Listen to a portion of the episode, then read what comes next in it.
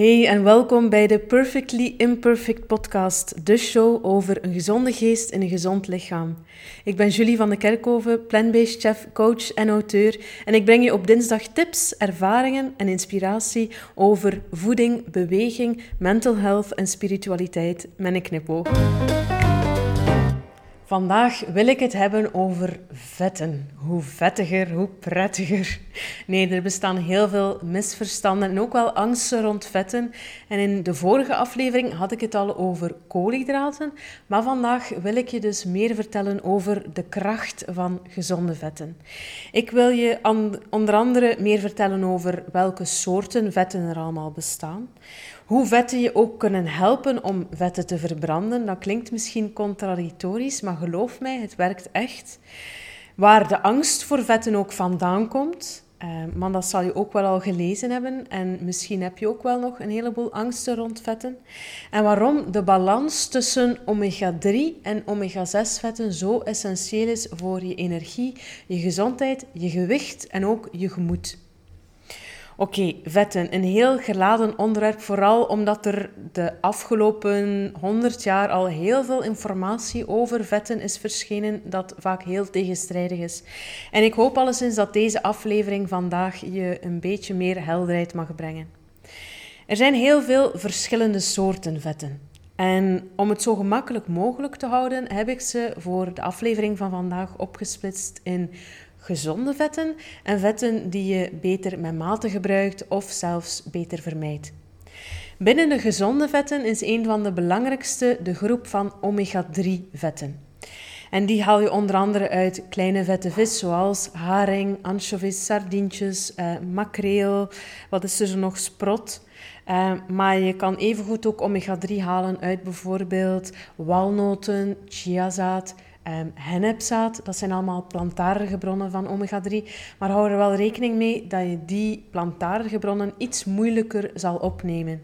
Ook bijvoorbeeld grasboter, dat is boter van koeien die alleen maar gras gevoerd krijgen in plaats van granen, is uh, een goede bron van omega-3. En zelfs eitjes van uh, eigen kippen, dus scharrelkippen die gewoon bijvoorbeeld wat lijnzaad, wat groenterestjes eten, die zijn ook een bron van omega-3. En er bestaan ook al bepaalde supplementen, zoals bijvoorbeeld een goede krilolie, dat is een soort plankton, is heel rijk aan omega-3. Maar evengoed een vegan supplement op basis van algen bestaat ook al voor zeg maar een extra omega-3 boost. Want waarvoor is omega-3 nu zo belangrijk? Wel, enerzijds is het heel belangrijk voor de werking van je hart, ook van je hersenen, dus voor je concentratie, maar evengoed ook op lange termijn om je te beschermen tegen bijvoorbeeld Alzheimer. Daarnaast is omega-3 ook heel belangrijk voor je darmwerking. Zeker als je gevoelige darmen hebt, kan uh, een, een goede dosis omega-3-vetten een heel waardevolle rol spelen. En omega-3 is ook heel belangrijk, niet alleen voor je darmen, dus eigenlijk je tweede hersenen, want de, de, darmen worden vaak de tweede hersenen genoemd, maar ook voor je hersenen zelf. En uh, omega-3 kan daarbij ook heel waardevol zijn bij bijvoorbeeld depressie, paniekaanvallen, um, angsten in het algemeen. Dus eigenlijk om je, uh, je beter in je vel te kunnen voelen. Omega-3-vetten uh, staan er ook voor gekend dat ze de ontstekingsgraad in je lichaam verlagen. En dan is vooral ook de balans tussen omega-3 en omega-6 heel belangrijk. Maar daar zal ik zo meteen ook meer over vertellen. Um, misschien nog een laatste over omega-3 is dat ze ook uh, heel waardevol zijn om een gezond gewicht te behouden. Uh, want ze helpen ook niet alleen om je langer voldaan te voelen, maar ze helpen ook om je verbranding goed op peil te houden. Nu, een tweede belangrijke groep van gezonde vetten naast die omega-3 zijn omega-9 vetten uit bijvoorbeeld extra vierge olijfolie en avocado. Dat zijn onverzadigde vetzuren die er vooral voor bekend staan dat ze je hart- en bloedvaten beschermen, maar ook je huid en je lichaam langer jong en gezond houden. Dus ik had het al over olijfolie, ehm, evengoed ook olijven. En die hebben dan ook nog eens het voordeel, net als bijvoorbeeld dat ze ook een antibacteriële en um, anti, uh, ja, eigenlijk ontstekingsremmende werking hebben. Um, dus ze helpen ook om hart- en vaatziekten te voorkomen. Ze beschermen ook tegen diabetes en ze werken ook verlichtend bij constipatie. Dus als je moeilijk naar het toilet kan, een lepel olijfolie met een beetje zeezout in, geloof mij, dat werkt verlichtend.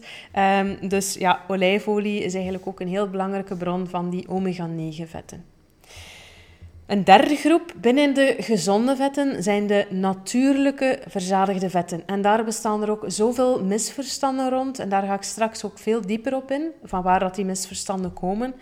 Maar binnen de verzadigde vetten heb je de gezonde natuurlijke verzadigde vetten uit bijvoorbeeld um, grasboter, dus van grasgevoerde koeien, extra vierge kokosolie, cacaoboter, daarvan wordt chocolade gemaakt, uh, de pure donkere chocolade. Uh, maar evengoed haal je ook gezonde, natuurlijke verzadigde vetten uit. Bijvoorbeeld bioscharreleitjes of uh, af en toe eens wat bioscharrel. Dat zijn ook allemaal bronnen van die verzadigde vetten. En bijvoorbeeld uh, echte boter, extra verse kokosolie, die raad ik meestal aan voor heel warme bereidingen, omdat die een hoger rookpunt hebben. in vergelijking met olijfolie, dat dan weer beter is voor bijvoorbeeld sausjes, voor koude bereidingen of voor bereidingen op meer een milde, een, een medium temperatuur. Verzadigde vetten hebben onder andere een rol in het onderhoud van onze cellen, dus van alle cellen in je lichaam. Ehm, maar daar ga ik straks ook meer over vertellen. Vetten die je beter vermijdt, of toch zoveel mogelijk beperkt, zijn geraffineerde plantaardige oliën, zoals maisolie, zonnebloemolie, sojaolie, uh, slaolie. En dat is ook echt een van de grootste misverstanden die er bestaan, denk ik. Want die oliën worden echt ook ja, in de marketing naar voren geschoven als heel gezonde vetten. Natuurlijk, het is puur natuur, dus het is ook gezond, denk je dan waarschijnlijk. Maar er zijn eigenlijk drie redenen waarom je dit type oliën beter zoveel mogelijk beperkt of zelfs vermijdt. Enerzijds omdat ze heel geconcentreerd zijn aan omega-6 vetten. En met omega-6 op zich is er zeker niets verkeerd. Maar omega-6 vetten halen we meer dan voldoende uit groenten, noten en zaden. Een handvol noten per dag en voldoende groenten geef je eigenlijk alle omega-6 die je nodig hebt. En dat zijn dan ook nog eens de natuurlijke omega-6 vetten. Terwijl bijvoorbeeld, neem nu sojaolie, om uit een sojaboon sojaolie te gaan onttrekken, gaan er al een heleboel processen aan te pas. Ehm, die sojaboon, ontgeuring, ontkleuring, um, dat wordt op zoveel ja, manieren, industriële processen eigenlijk verwerkt. En het is tijdens die verwerkingsprocessen, want dat wordt dan vaak op hele uh, grote, hoge temperaturen verhit, um, worden er vaak al bepaalde vrije radicalen gevormd. En die oliën zijn ook totaal niet stabiel. Dus die, zijn, die gaan heel snel oxideren als je die verhit. En als je die dus gebruikt om uh, te koken, dan is er ook vastgesteld dat er zich bepaalde stoffen vormen, onder andere aldehyden, peroxiden. Dat klinkt allemaal heel wetenschappelijk, maar het komt er eigenlijk op neer dat er zich bepaalde stoffen vormen die ervoor kunnen zorgen dat die ontstekingsgraad in je lichaam naar omhoog gaat. Dus wat dat je kan doen, is om vooral um, te koken met boter, met olijfolie, met kokosolie. En om die plantaardige geraffineerde oliën, zoals zonnebloemolie, maisolie, sojaolie, om die zoveel mogelijk te vermijden. Want die worden sowieso al toegevoegd aan van alles en nog wat. Um, dus als je die zelf kan gaan vermijden en daar niet mee kookt, is dat eigenlijk een, een, een um, ja, de toptip van vandaag. Maar dan heb ik het ook over nepboters en margarines. Um, want die zijn ook veel te geconcentreerd aan omega-6 vetten. Um, dus als je die ontstekingsgraad in je lichaam laag wil houden en als je je vetverbranding zo goed mogelijk draaiende wil houden, dan uh, is het uh, de tip om die uh, omega-6 laag te houden en om dus die geraffineerde plantaardige oliën zoveel mogelijk te vermijden. Dan een tweede groep van minder goede vetten zijn de transvetten. Worden ook wel ge geharde vetten of geharde plantaardige vetten of gehydrogeneerde vetten er zijn verschillende namen voor, maar die transvetten kan je beter ook vermijden. En gelukkig in de voedingsindustrie tegenwoordig worden die minder en minder gebruikt. Uh, ik denk dat dat vooral in de jaren 50, 60, 70 heel veel gebruikt werd. Um, maar zelfs nu worden ze nog steeds wel vaak toegevoegd aan alles van kant-en-klaar maaltijden, uh, diepvriespizza, alles van fastfood en frituursnacks uh, bevatten veel transvetten. Omdat transvetten ontstaan eigenlijk door plantaardige vetten, zoals bijvoorbeeld zonnebloemolie, op hoge temperatuur te gaan verhitten. En je zal zien dat die dan gehard worden. En zo zijn ze eigenlijk ook ontstaan. Dat waren eigenlijk bijvoorbeeld sojaolie die in de industrie werd gebruikt om machines te onderhouden. Maar door die, uh, dat contact met grote hitte zagen, um, ja, zagen de mensen van toen dat die, uh, dat die olie in contact met die hitte stolde. En dat leek een beetje op boter. En zo zijn eigenlijk die transvetten ook um, populairder geworden om te gebruiken in producten, omdat ze ervoor zorgen dat uh, het, uh, ja, zeg maar het product uh, langer stabiel blijft. Uh, maar gelukkig, uh, omdat er ook wel druk kwam vanuit de wetenschappelijke wereld, uh, worden die minder en minder gebruikt in de voedingsindustrie. En vind je ze nu vooral nog in charcuterie, in gebak, in kant-en-klaar maaltijden en alles van frituursnacks. Um, maar dus daar ook de tip, het kan geen kwaad als je die af en toe eens eet. ik weet alles met mate. Maar probeer ze gewoon te vermijden. Dat zijn eigenlijk de twee groepen van vetten die ik uh, ja, zou rekenen tot de vetten die je beter zo weinig mogelijk gebruikt.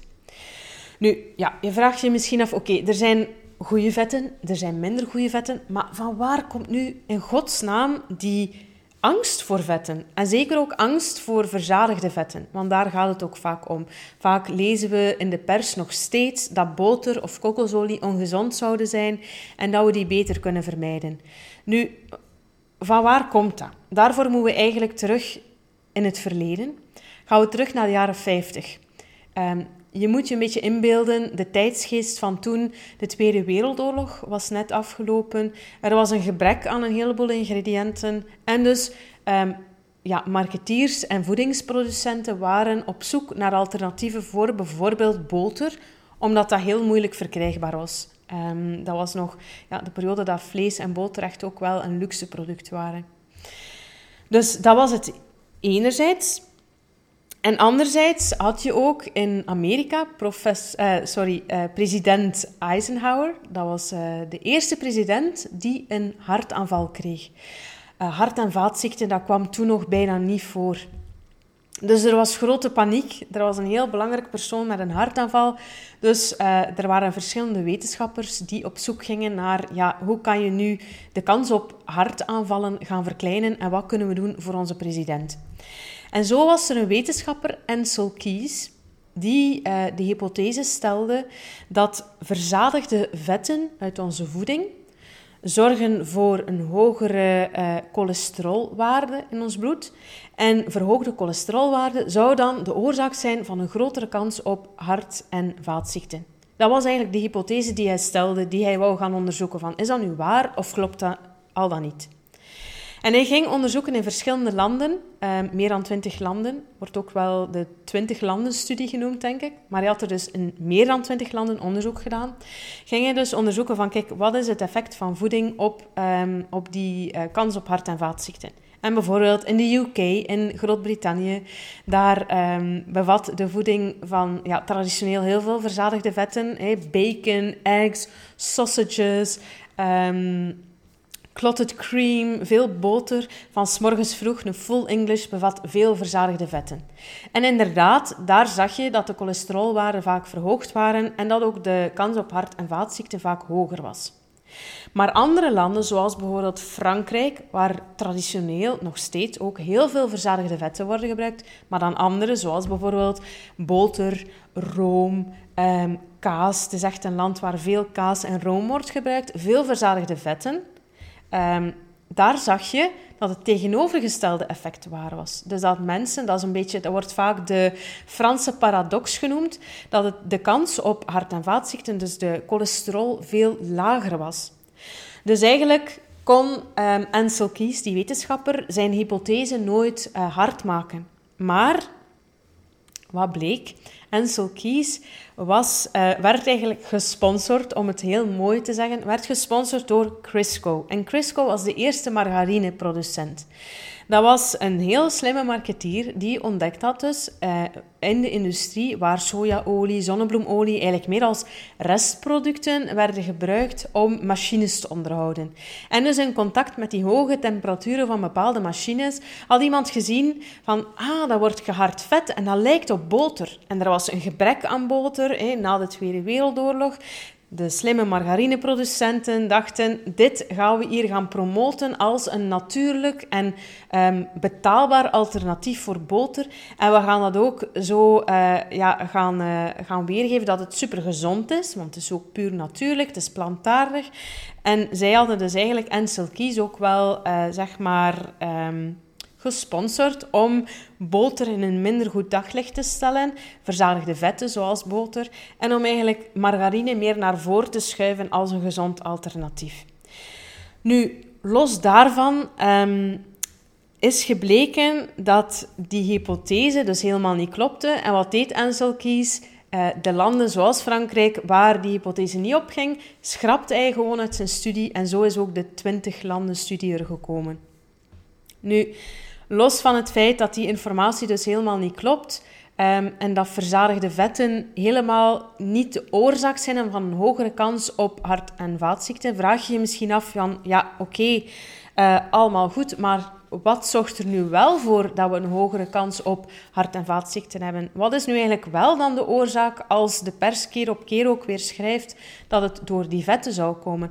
Wel, wat is gebleken in, in, recente wetenschappelijke onderzoeken, eigenlijk zelf niet meer zo recent, dat is eigenlijk al heel lang geweten, maar dat komt vaak pas vertraagd in de pers, um, dat is dat niet verzadigde vetten, maar wel witmeelproducten en snelle suikers een verhoogde kans op hart- en vaatziekten geven.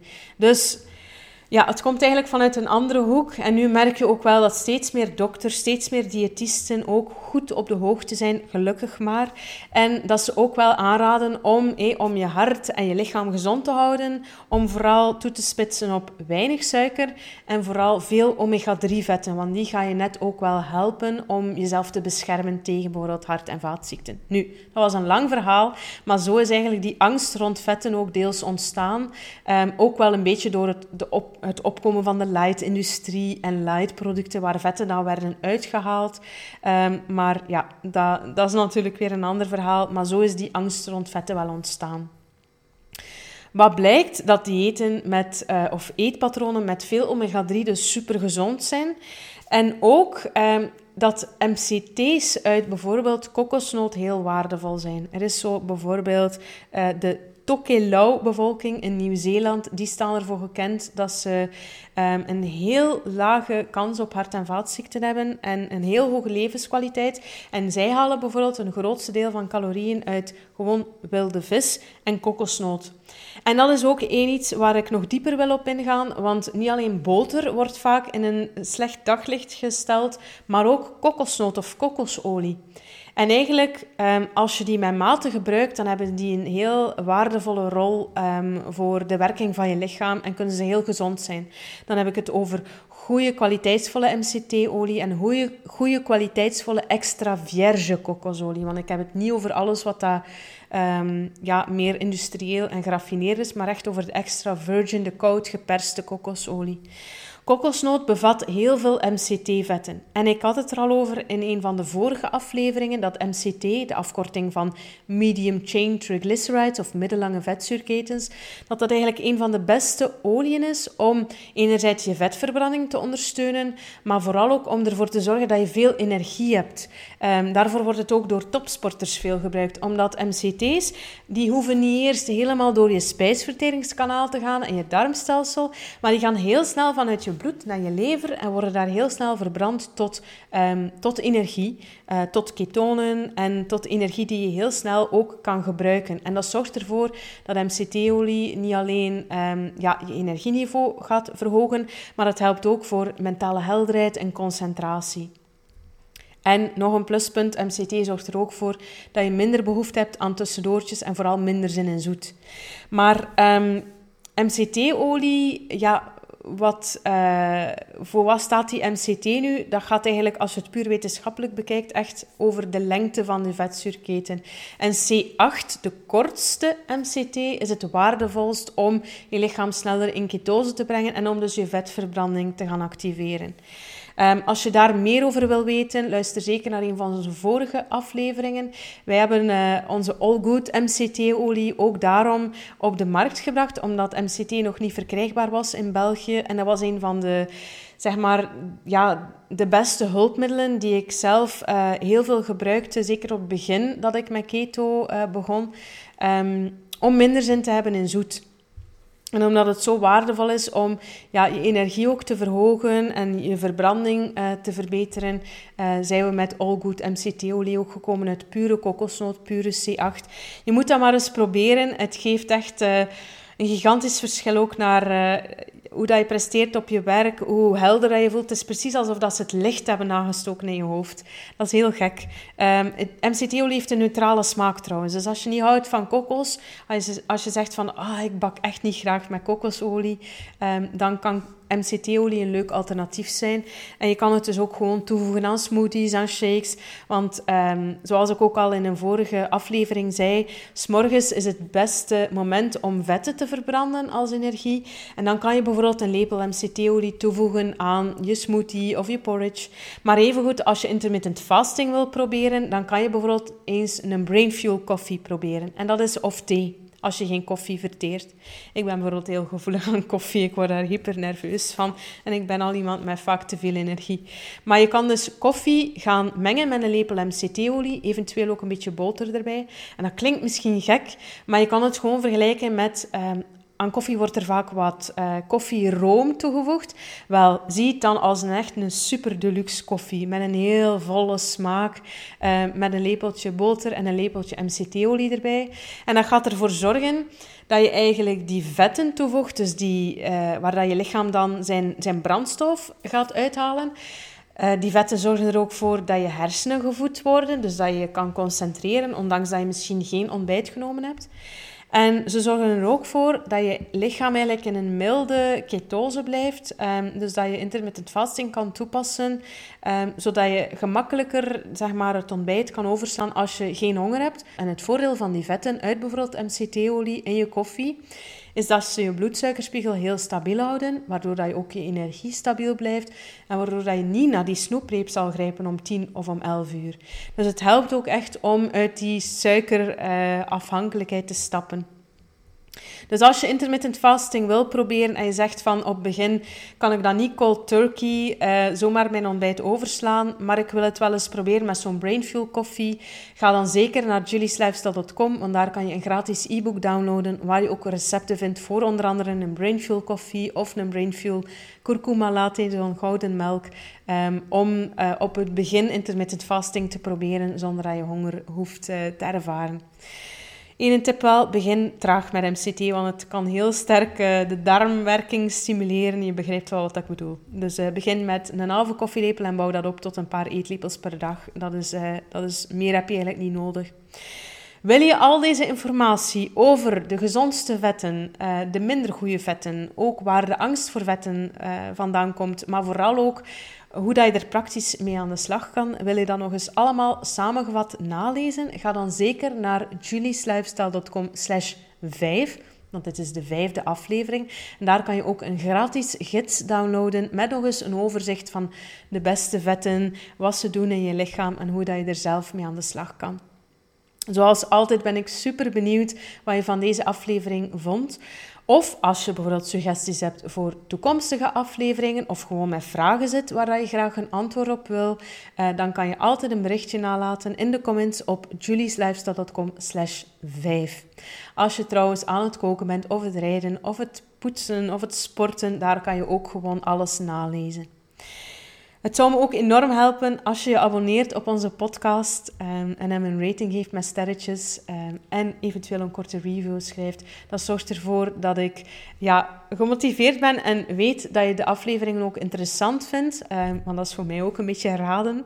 Dus als je abonneert op de podcast, helpt het mij om de podcast ook te helpen groeien, zodat uh, meer mensen er ook mee kunnen geholpen worden met deze informatie. En het is voor mij natuurlijk ook gewoon heel motiverend om nieuwe afleveringen te maken. En um, als je luistert en je wil deze, deze aflevering ook eens bekijken als video, uh, dan kan je het ook zien op youtube.com slash Lifestyle.